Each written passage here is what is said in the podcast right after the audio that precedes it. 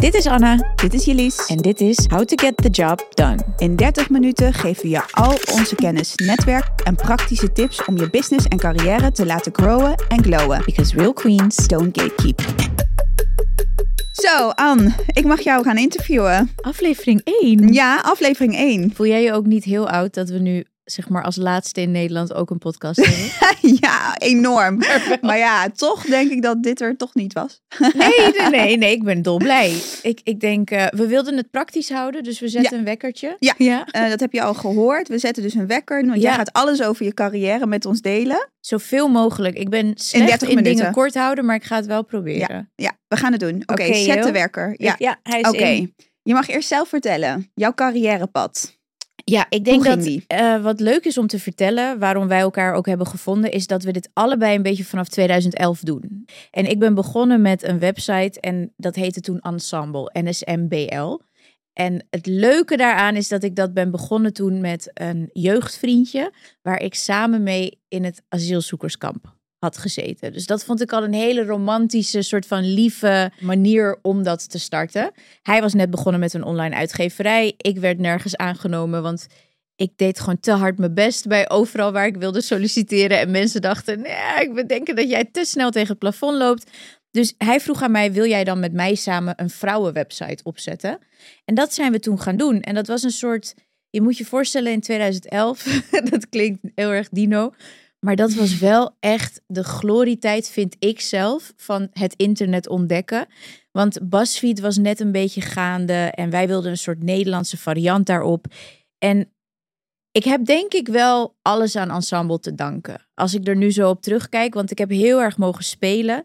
Ik heb dat van 2011 tot ongeveer 2015 gedaan. En in 2015 dacht ik, oké, nu is het wel tijd om mijn eigen vleugels te spreiden. Dus ik heb mijn aandelen verkocht aan eh, Wayne Parker Kent, die de uitgever was van de website. En ik ben toen zelf gaan ondernemen, nog meer. Dus ik ben eh, YouTube gaan doen. Ik ben toen op televisie veel gaan doen met RTL samen. Hollands Next Top Model, Expeditie Robinson, eh, Curvy Top Model, Boulevard heb ik gedaan. Ehm, en zo gaandeweg ben ik begonnen ook met het opbouwen van, nou ja, wat nu bekend staat als voor veel mensen toch wel influencer carrière. Wat ik helemaal niet zo erg vind als we het zo noemen. Ik denk gewoon, ja, noem het zoals je het wil noemen. Het heeft mij heel veel gebracht en ik ben er heel dankbaar voor. En inmiddels ben ik wel steeds meer ook veel achter de schermen aan het ondernemen. Dus ik heb bijvoorbeeld een museum, dat heet Upside Down. Daar kun je hele toffe Instagram-achtige beelden maken. Is de grootste in Europa. Ik heb een bloemenbedrijf Duinroos waar ik heel erg dol op ben. Ik heb een cosmetica bedrijf dat heet Noosh. En ik doe ook heel veel andere, ehm, nou ja, ik zou ze bijna angel investeringen willen noemen, waarin ik ofwel consult geef of participeer in nieuw talent en nieuwe ondernemingen. En dat is een beetje wat ik allemaal doe. In vogelvlucht. Maar dan vergeet ik wel veel. Maar het voelt ook als te veel opschepperij om alles te gaan opnoemen. Ja, maar dan ga ik je toch even interroperen. Ja, ja, want je bent heel bescheiden, maar ik ken heel veel influencers. En eh, natuurlijk, jou ken ik heel erg goed. En die ook zijn begonnen daar. Maar jij hebt het echt als een van de weinige influencers, zijn een aantal, business-wise echt goed geregeld. Ja, dat is heel Echt goed geregeld. Je bent echt een goede ondernemer. Dat weten volgens mij niet zo heel veel mensen van jou. Nee, Omdat je dus ook zo bescheiden bent. Dus ik doe het maar even voor je. dat is heel lief. Ja, maar jij hebt het echt goed geregeld. Van jou kan, ik kan heel veel van jou leren. Echt hoe je onderneemt en hoe je dat allemaal regelt. En Ja. weet je, hoe je dat allemaal strak regelt. Dus zou je daar wat meer over kunnen vertellen? Van ja, natuurlijk, misschien moeten we ook beginnen bij dat influencer tijdperk. Want dat was een soort ensemble, was inderdaad, was de shit gewoon. Dat was er echt nog niet. Ach, ik mis het ook echt best wel. Ja, het was echt nieuw en vernieuwend. En je dacht, wow, weet je wel, eh, wat is dit? En, en dat hadden we nog niet in Nederland. Nee. En daarna influencen, dat, dat, dat, ik vind dat ook, dat doe je ook echt heel erg goed. En daarna dus ondernemen. Ja. Maar daar kan je misschien nog wel wat meer over vertellen. Ja, ik denk wat ik, wat ik al vrij snel door had bij mezelf, is dat ik. ehm, ik heb altijd. Ik heb ook bijvoorbeeld eh, een boek geschreven over dat hele traject. Maar wel Mm. vroeg, vroeg in mijn carrière. Dus volgens mij in 2015 of zo al. Dus dat is eigenlijk bijna tien jaar geleden alweer. Dat zou ik wel best wel weer opnieuw eh, moeten herschrijven. Want ik deelde toen gewoon wat ik op dat moment al had geleerd. Maar in dat boek zei ik ook van: ik heb niet per se een talent, een soort aantast, zeg maar, tastbaar talent van ik kan heel goed zingen of acteren of dansen of zo. Dat heb ik allemaal niet. Maar ik denk wel waar mijn talent ligt, is dat ik heel goed eh, mijn intuïtie kan aanvoelen.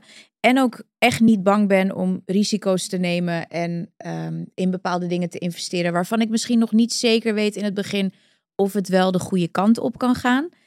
Maar naast dat heb ik ook altijd wel gedacht, ik kan niet op één paard gaan wedden. Want Mhm. ik weet hoe moeilijk het is om een unicorn project of onderneming te hebben. Ik moet altijd bijvoorbeeld denken aan wat Negan met Gizou heeft gedaan. Negan Mhm. heeft natuurlijk heel erg gefocust op één project. Mhm. En wat nu super, super groot is. Maar ik heb voor mezelf wel altijd gedacht, de kans dat dat gaat gebeuren is vrij klein. Mhm. En ik wil liever dat ik een soort hele stabiele basis heb, waarbij mijn ehm, passieve inkomen Mhm. ook goed geregeld is. En wat betekent dat je dan ofwel moet investeren in vastgoed, of je moet investeren in beleggingen, of je moet investeren in bedrijven waarvan je weet, oh, die willen binnen nu drie en vijf jaar een exit maken. En daar heb ik denk ik op vrij jonge leeftijd al wel de keuze in gemaakt van ik ga niet alleen maar influencen, ik ga niet alleen maar Mhm. alles laten afhangen van campagnes. Ik ga Mhm. zorgen dat ik meerdere participaties heb in meerdere bedrijven, zodat je over 15 jaar, 20 jaar gewoon gesetteld bent qua wat dat uitkeert, het rendement daarvan. En kan je meer vertellen wat dan de verdeling nu is ongeveer? Van hoeveel procent investeer je dan nu als de, qua tijd en energie in influencen en partnerships die je daaruit haalt en bijvoorbeeld in de andere bedrijven? Ik denk dat het lastige wel is dat dat allemaal een soort van in elkaar overloopt. Omdat ehm, vaak als ik participeer in een nieuwe onderneming bijvoorbeeld, dan is het ook een beetje aftasten wat ze precies willen. Want soms eh, stap ik in omdat ik een bepaalde marketingwaarde kan toevoegen. En dan ruil je eigenlijk je marketingwaarde tegen aandelen. Dat heet dan sweat equity. Maar soms kan ik ook denken: oké, dit heeft zoveel potentie. Ik investeer gewoon ook een geldbedrag, net als iedere andere investeerder die dat zou doen. Maar daarbij lever je ook nog een soort waarde op, bijvoorbeeld een revenue share. En dat houdt in dat je van ticket verkopen of van eh, omzetten of van winsten nog een stukje meesnoept voor een x aantal perioden. Maar je hebt in alle gevallen wel een aandeel. En wat je dan doet, is dat je heel erg kijkt van oké, waar willen we over vijf jaar staan? En aan wie willen we het eventueel verkopen? En daar ga je naartoe werken. Maar in al die trajecten zit wel vaak dat ik mijn publiek en mijn social media wel moet inzetten. Mhm. Ehm, en ook wil inzetten om het of als een focusgroep te gebruiken of te denken van hé, hey, dit is voor mij ook interessant om te laten zien welke nieuwe ondernemingen erbij Mhm. zijn gekomen. Dus het is heel lastig om te zeggen, oh, het is 60% hier en, en 40 daar. Wat ik wel weet is dat ik nooit, ik zou nooit willen ondermijnen hoeveel het influencewerk en, en ook het contact met publiek door de jaren heen mij daadwerkelijk heeft gebracht. Dat zou ik nooit willen, dat- ga ik niet bagatelliseren, want dat is nog steeds, ook al ben ik nu, ik voel me echt soms stock-out in deze industrie, omdat wij natuurlijk, wij komen allebei van 86. Ja. Ja, nou ja, da- dan, eh, als je dan ziet dat heel veel mensen die ik ook alweer zo lang ken, die zijn nog steeds geen 30, dan denk je, oh, dat duurt zo lang bij hun. Maar ergens denk ik wel, ik, ik wil nog steeds zo lang mogelijk dat werk kunnen doen. Want het zorgt er ook voor, ik heb er ook weer heel veel plezier in, omdat ik mijn eigen weg veel meer heb gevonden Mhm. en ik mentaal weer veel meer oké ben. Ehm, maar ik denk dat het een, een soort verweven stroming is, waarbij de week heel evenredig verdeeld is tussen wat er op Mhm. dat moment nodig is.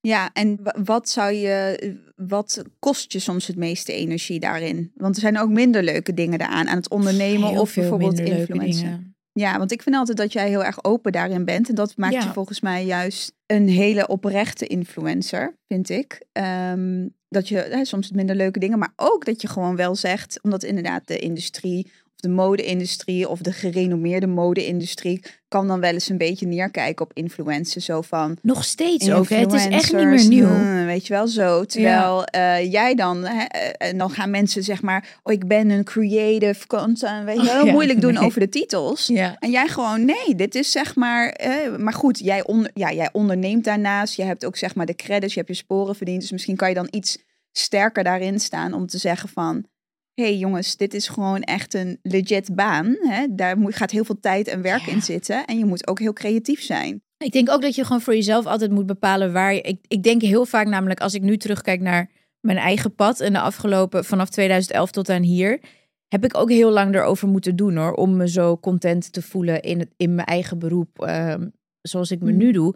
Maar dat heeft wel allemaal te maken met waar je zelf hier mentaal staat. Dus ik had voorheen ook, en dat heb ik nog steeds wel, best wel een bewijsdrang. En dan wil je gewoon dat ook de bladen je serieus nemen en ook televisie. Je, dus dan ga je misschien in bochten wringen om iets te bedenken van ja, maar ik ben veel meer dan dat en ik ben niet zo oppervlakkig.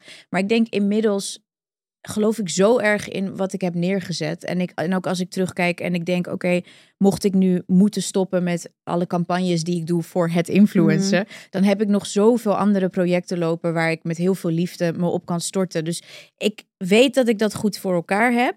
En ik heb niet meer zo erg op de bewijsdrang om eh, mensen tegen te spreken die nu nog steeds zouden denken dat ik bijvoorbeeld of oppervlakkig zou zijn of Ja. misschien eh, alleen maar een broekje aantrek en daarover vertel of een schoentje of zo. Dan denk ik, ja, inmiddels is het echt niet meer zo heel nieuw. Ehm, ik vind het ook grappig als bladen nog steeds daar artikelen over schrijven en zo. Hmm. Dan denk ik, ja, Ja. dit kennen we toch wel nu inmiddels, Ja. dit fenomeen.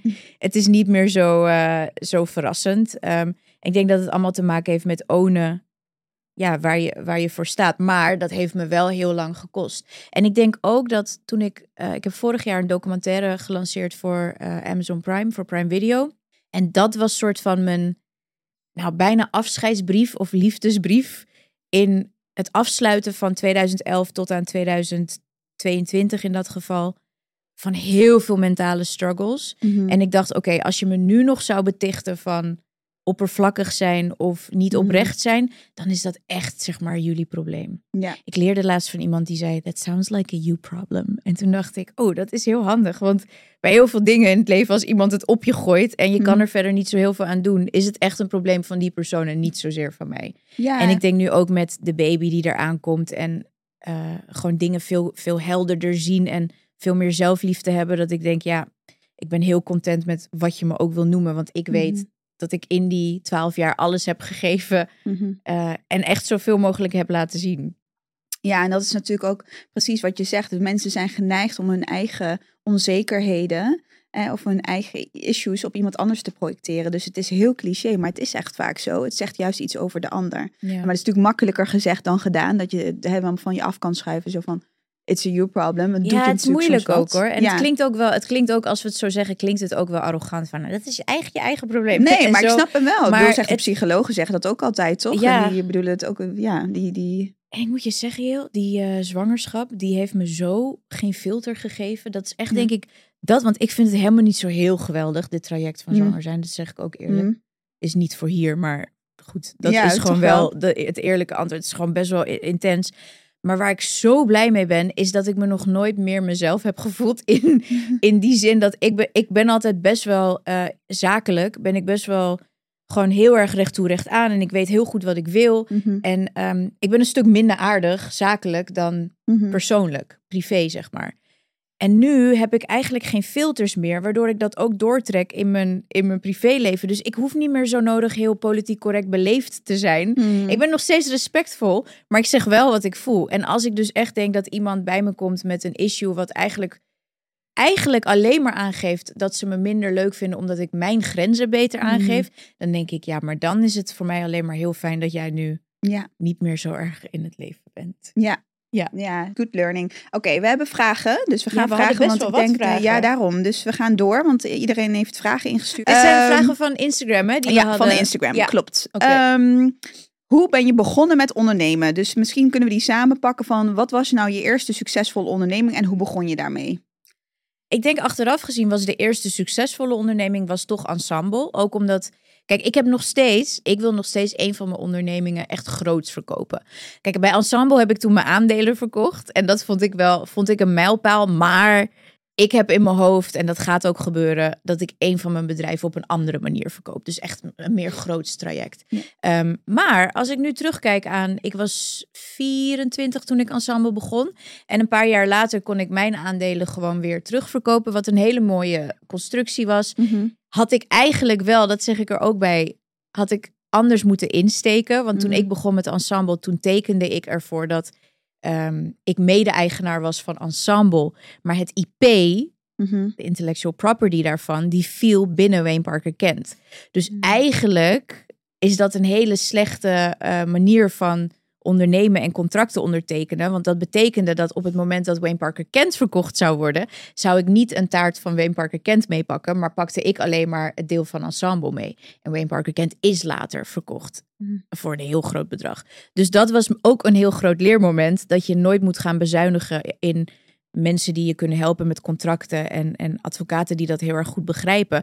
Maar goed, voor een eerste traject wat ik Mhm. had opgezet, is dat mijn eerste succesvolle. Onderneming geweest. Ja. ja. En dat heb je dan natuurlijk, daarna heb je dan, want nu, zoals ik jou zie, heb je dus dit soort mensen altijd om je heen die al jouw projecten echt Ja. tot op de bodem uitzoeken. Ik heb helemaal niet zoveel met heel veel personeel hebben. Ik weet dat mensen dat dat voor heel veel mensen is dat een soort van groot ding van oh ja, ik heb 60 man personeel en dat dat eh, de illusie geeft dat het daarom maar een heel succesvol bedrijf zou zijn. Ik hou heel erg van zo lean en mean mogelijk ondernemen, dus eigenlijk zo min mogelijk mensen om me heen te hebben. En voor het ene bedrijf kan dat wel en voor het andere niet.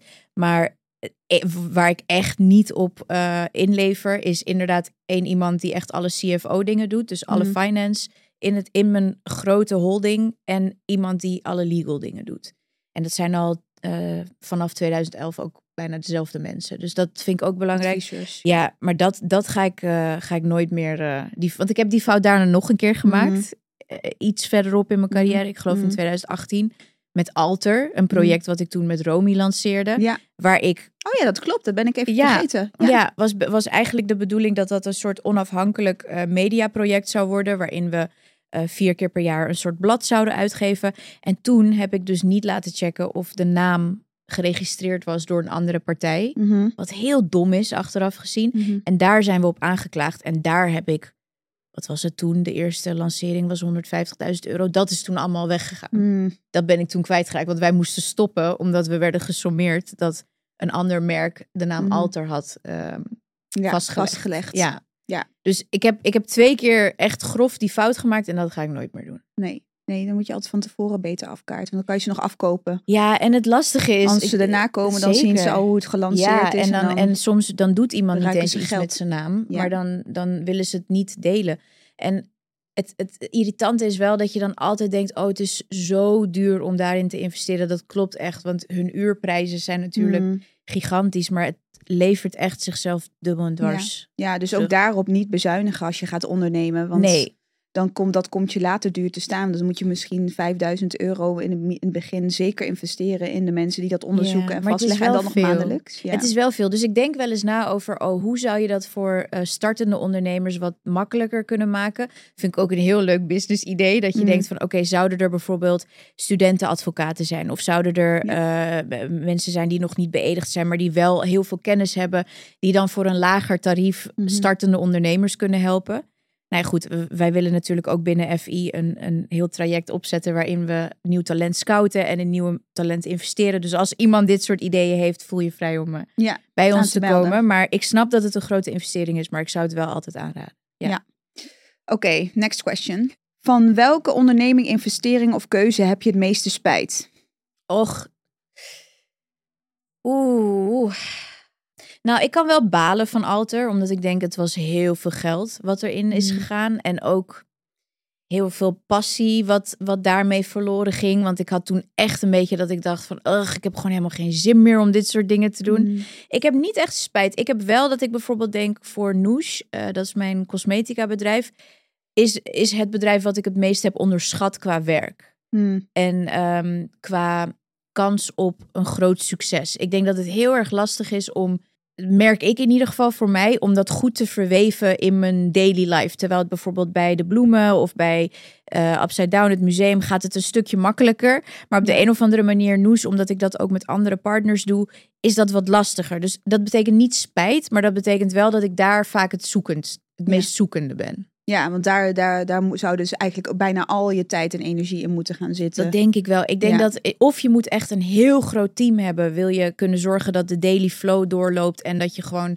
kan Mm. bouwen, zodat ik alleen maar eigenlijk de content hoef te maken en te posten. Ja, maar dat hebben we niet, want dat budget moet je Ja. dan hebben. Dus je loopt binnen Noes merk ik, loop ik af en toe een beetje vast met oeh, hoe gaan we dat eh, goed, goed uitpakken? Ja. Ja. Ehm, op welke manier blijf je jezelf als ondernemer continu, continu ontwikkelen en groeien? Door heel erg open te staan. En door eigenlijk heel veel gesprekken aan te gaan. En daar waar ik soms bij sommige meetings denk, oeh, ik heb eigenlijk geen zin. Wat het deze week ook was ik met, met Robin, die hier ook nu is, was ik op kantoor. En dan heb ik gewoon iets staan waarvan ik weet dat het een pitch is. En dan, dan denk ik van tevoren van, oh ja, het is echt zo'n grove deadline week. Zal ik hem afzeggen? En dan is er toch iets in mij die denkt van, nee, nee, nee, laat er maar wel komen. Nou, en dat was echt een uur lang heel, echt met heel veel potentie, dat bedrijf. Mhm. Dus heel openstaan, ehm, niks per se afketsen zonder dat je echt even met ze hebt gesproken. Maar tegelijkertijd ook als je intuïtief voelt. Want dat hebben wij ook wel eens, toch? Dat jij me iets zegt van, hey, zullen we nog hier naar kijken? En dat ik dan zeg, ja, heel eerlijk, ik voel hem gewoon niet zo met de- deze persoon.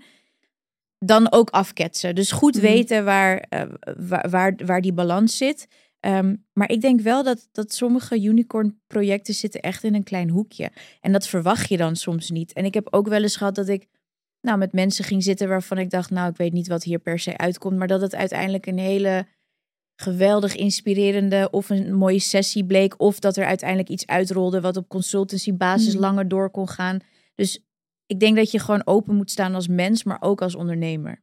Maar dat is iets wat wij allebei hebben. Ja, I love dat ook van jou. Ja, wij, wij drinken Ja. koffie met allerlei soorten mensen. We gaan er nooit vanuit. We hebben eigenlijk nooit een oordeel. Nee. Voordat wij met iemand bedoelen, zou natuurlijk als journalist ook een beetje gek zijn als ik mensen al ga beoordelen voordat ik ze met ze in gesprek ga. Maar het grappige is dat dat best veel gebeurt. Dus dat mensen zeggen, oh, wel, te ja. plat, te, weet je, te dit, te, weet je wel, te, we zitten in een bepaalde sociale kring. Eh, heel, heel judgy. Ja. En, en het grappige is, omdat wij zeg maar heel open zijn daarin, van we don't judge, zeg maar, Nee. maakt het helemaal niet uit waar je, Nee. hè, waar je vandaan komt, wat je of van opleiding hebt gevolgd, hoeveel geld je hebt. eh, we don't care. Als Nee. jij een leuk soort energie hebt en ons benadert, dan gaan we allebei koffie Ik drinken. denk ook dat dit komt omdat jij en ik allebei natuurlijk van, ehm, nou ja, jij van een bicultureel en ik, ik ook bicultureel en ook nog eens gevlucht. Dus Mhm. Ehm, we hebben natuurlijk altijd allebei heel erg gevoeld van, oh ja, we willen zo graag dat iemand ons kansen had Mhm. gegeven. Ik denk dat we dat ook wel projecteren en altijd denken van, je weet maar nooit. Want ja. wij hebben ook gesmacht en alles soort van zelf moeten opbouwen. En ik was ook altijd heel dankbaar als iemand dan niet zei van, oh, maar heb je dan wel dit en dit en dit Ja. gedaan qua opleiding? Of Ja. pas je wel binnen dit profiel? Als iemand mij een kans gaf, was ik ook dolgelukkig. Ja, Dus ik- ja. dat hebben we allebei. Dat je dan komt toch door de achtergrond. ja, Ja, dat je niet denkt, oh jij, jij doet iets heel anders. Of jij zit in, weet ik veel, reality tv. Dus daarom Ja. gaan we het niet doen of zo. Nee. Nee. Nee. en dat is gewoon natuurlijk inderdaad waar ik vandaan. Ik kom uit de Volkswijk, weet je wel. Ja, ik bedoel, ik Papa met ook- snackbar, dus zo ja, papa ja. met snackbar. Weet je, je komt van allerlei soorten mensen tegen. Ik bedoel, ik was een keer bij, ehm, bij een talkshow van, eh, van SBS 6. Superleuk gesprek gehad met Frans Duits. Ja, dacht ik, wat een leuke maar dit is ook enig, toch? Dit soort Ja, dingen. geweldig. Ik bedoel, wat nou als ik dus dan... Weet je, bedoel, dat mijn ouders, eh, die luisteren ook, hè, dat soort muziek. Of mijn moeder dan. Mama niet toch? Ja. vader niet. nee, ik denk je vader ook Nee, maar dan superleuk gesprek, weet je wel. Dus dat soort, dat soort eh, ontmoetingen, als je gewoon met iedereen om je heen kletst of koffie doet, die, of joh, die je benadert, Ja. kan er zulke leuke Ja. gesprekken uitkomen. Dat is echt zo. En, en dat wil niet zeggen dat je dan maar gewoon met eh, de hele dag maar door... de hele- nee, nee, Weet je wel, maar ik denk wel dat je eh, ja, gewoon je nooit verheven moet voelen. In, Nee. in niks in het leven hoor, maar Nee. zeker ook niet in ondernemen. En dat hoeft ook niet, want we worden ook ouder. En ik denk dat ons grootste doel voor ons allebei is dat we ook blijven leren. Mhm. En dat we het stokje soort van over kunnen dragen. Dat is ook heel erg waarom we FI in het leven hebben ge- geroepen. We willen echt dat we niet alleen maar onze kennis maar de hele tijd, maar wij willen ook leren van Ja. de nieuwe generatie. Ja, ja. Ja. en daar is gewoon heel veel van te leren. Is zo jammer als je daar niet voor open staat. Even kijken.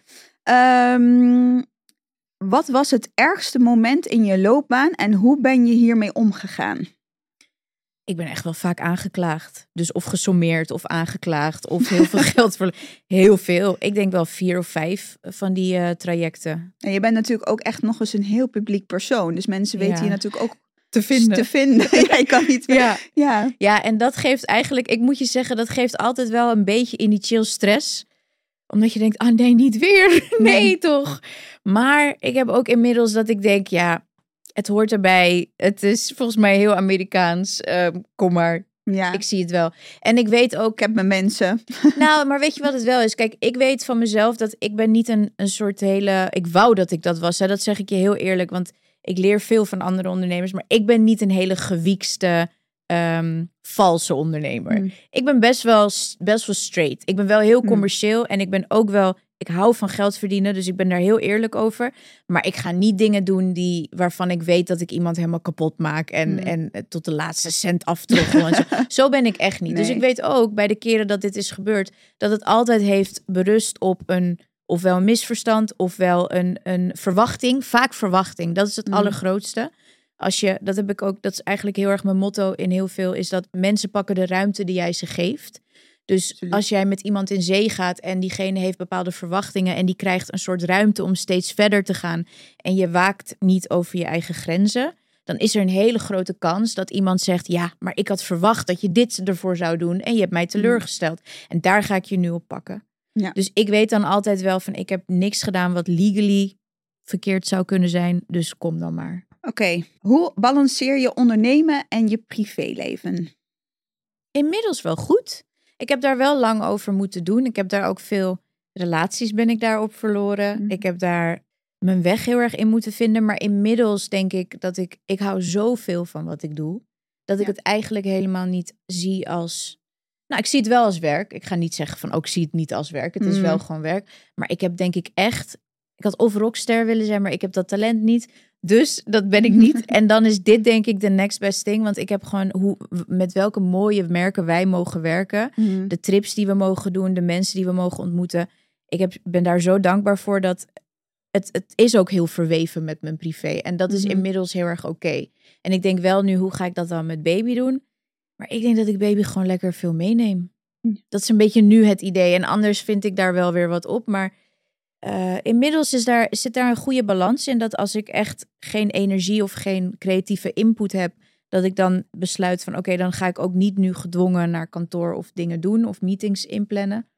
En ehm, het is elke dag is het een beetje werken, maar dat is helemaal oké. Ja, bedoel, ik zie jou. Jij werkt echt veel. Maar jij neemt ook echt wel je space en je Ja. tijd. Als je denkt, ik ben, hè, dit is te veel. Ja, want dan, dan ben ik ook de laatste tijd heb ik ook geleerd om dan heel eerlijk te zeggen van hé hey, jongens, ik weet dat we dit hebben staan. Deed ik laatst ook bij jou. Ja. Maar ik voel me gewoon echt even dat ik even alleen moet zijn. En daar zit het hem voor mij vooral in. Niet per se vermoeidheid, maar ik heb zoveel mensen om me heen de hele dag.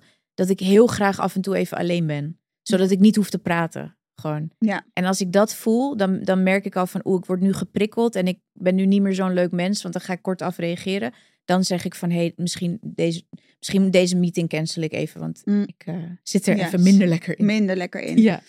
Hey, en met content maken, met influencen, eh, dat doe je natuurlijk ook best wel veel. Brengt dat nog steeds, hoe haal je dan, waar haal je dan telkens weer toch die creativiteit vandaan? Om dan, Ik vind, ik vind mezelf niet heel creatief op dat vlak. Ik, waar ik heel blij mee ben, is dat ik het weer leuk vind. Hm. Want ik heb het heel lang niet leuk gevonden. En ik heb heel lang echt, was ik mijn weg kwijt in wat ik dan wilde delen. En wat mijn aesthetics was. En waarom ik het weer leuk vind, is dat ik en zoveel heb gewerkt vorig jaar aan mezelf. En met die docu-lancering. Mm. En weet je, mijn relatie ging uit en ik was even alleen. En ik moest weer zo erg tot mezelf komen.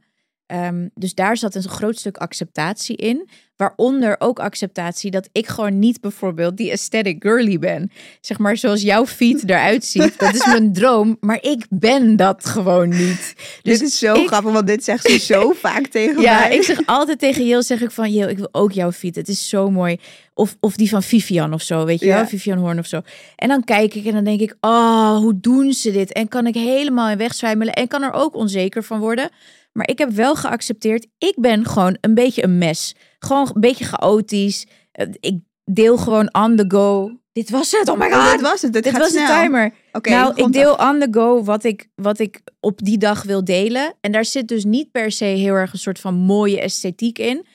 Maar het is wel eigen. En het is wel wie ik nou ben. ja, weet je, maar je wilt ook niet zoals mij zijn. Want ik ben gewoon super kritisch. Jij bent wat- zo kritisch. Je wil echt niet foto's van je Lies moeten maken hoor. Nee. Dat is echt, dat is gewoon nooit goed. Nee, Nee. nee, is echt zo. Ik ben heel kritisch, ook wat er verschijnt. En nu heb ik een agent en die zegt, oh ja, maar dit is een leuke deal. En dan moet je gewoon een beetje zo in de huiskamer eh, content maken. En dan zeg ik, Not gonna happen. not gonna Jij huurt gewoon een Airbnb ervoor. Of een hotel. Of helemaal, het wordt helemaal Oké, dit was genoeg. Fijne dag nog verder allemaal.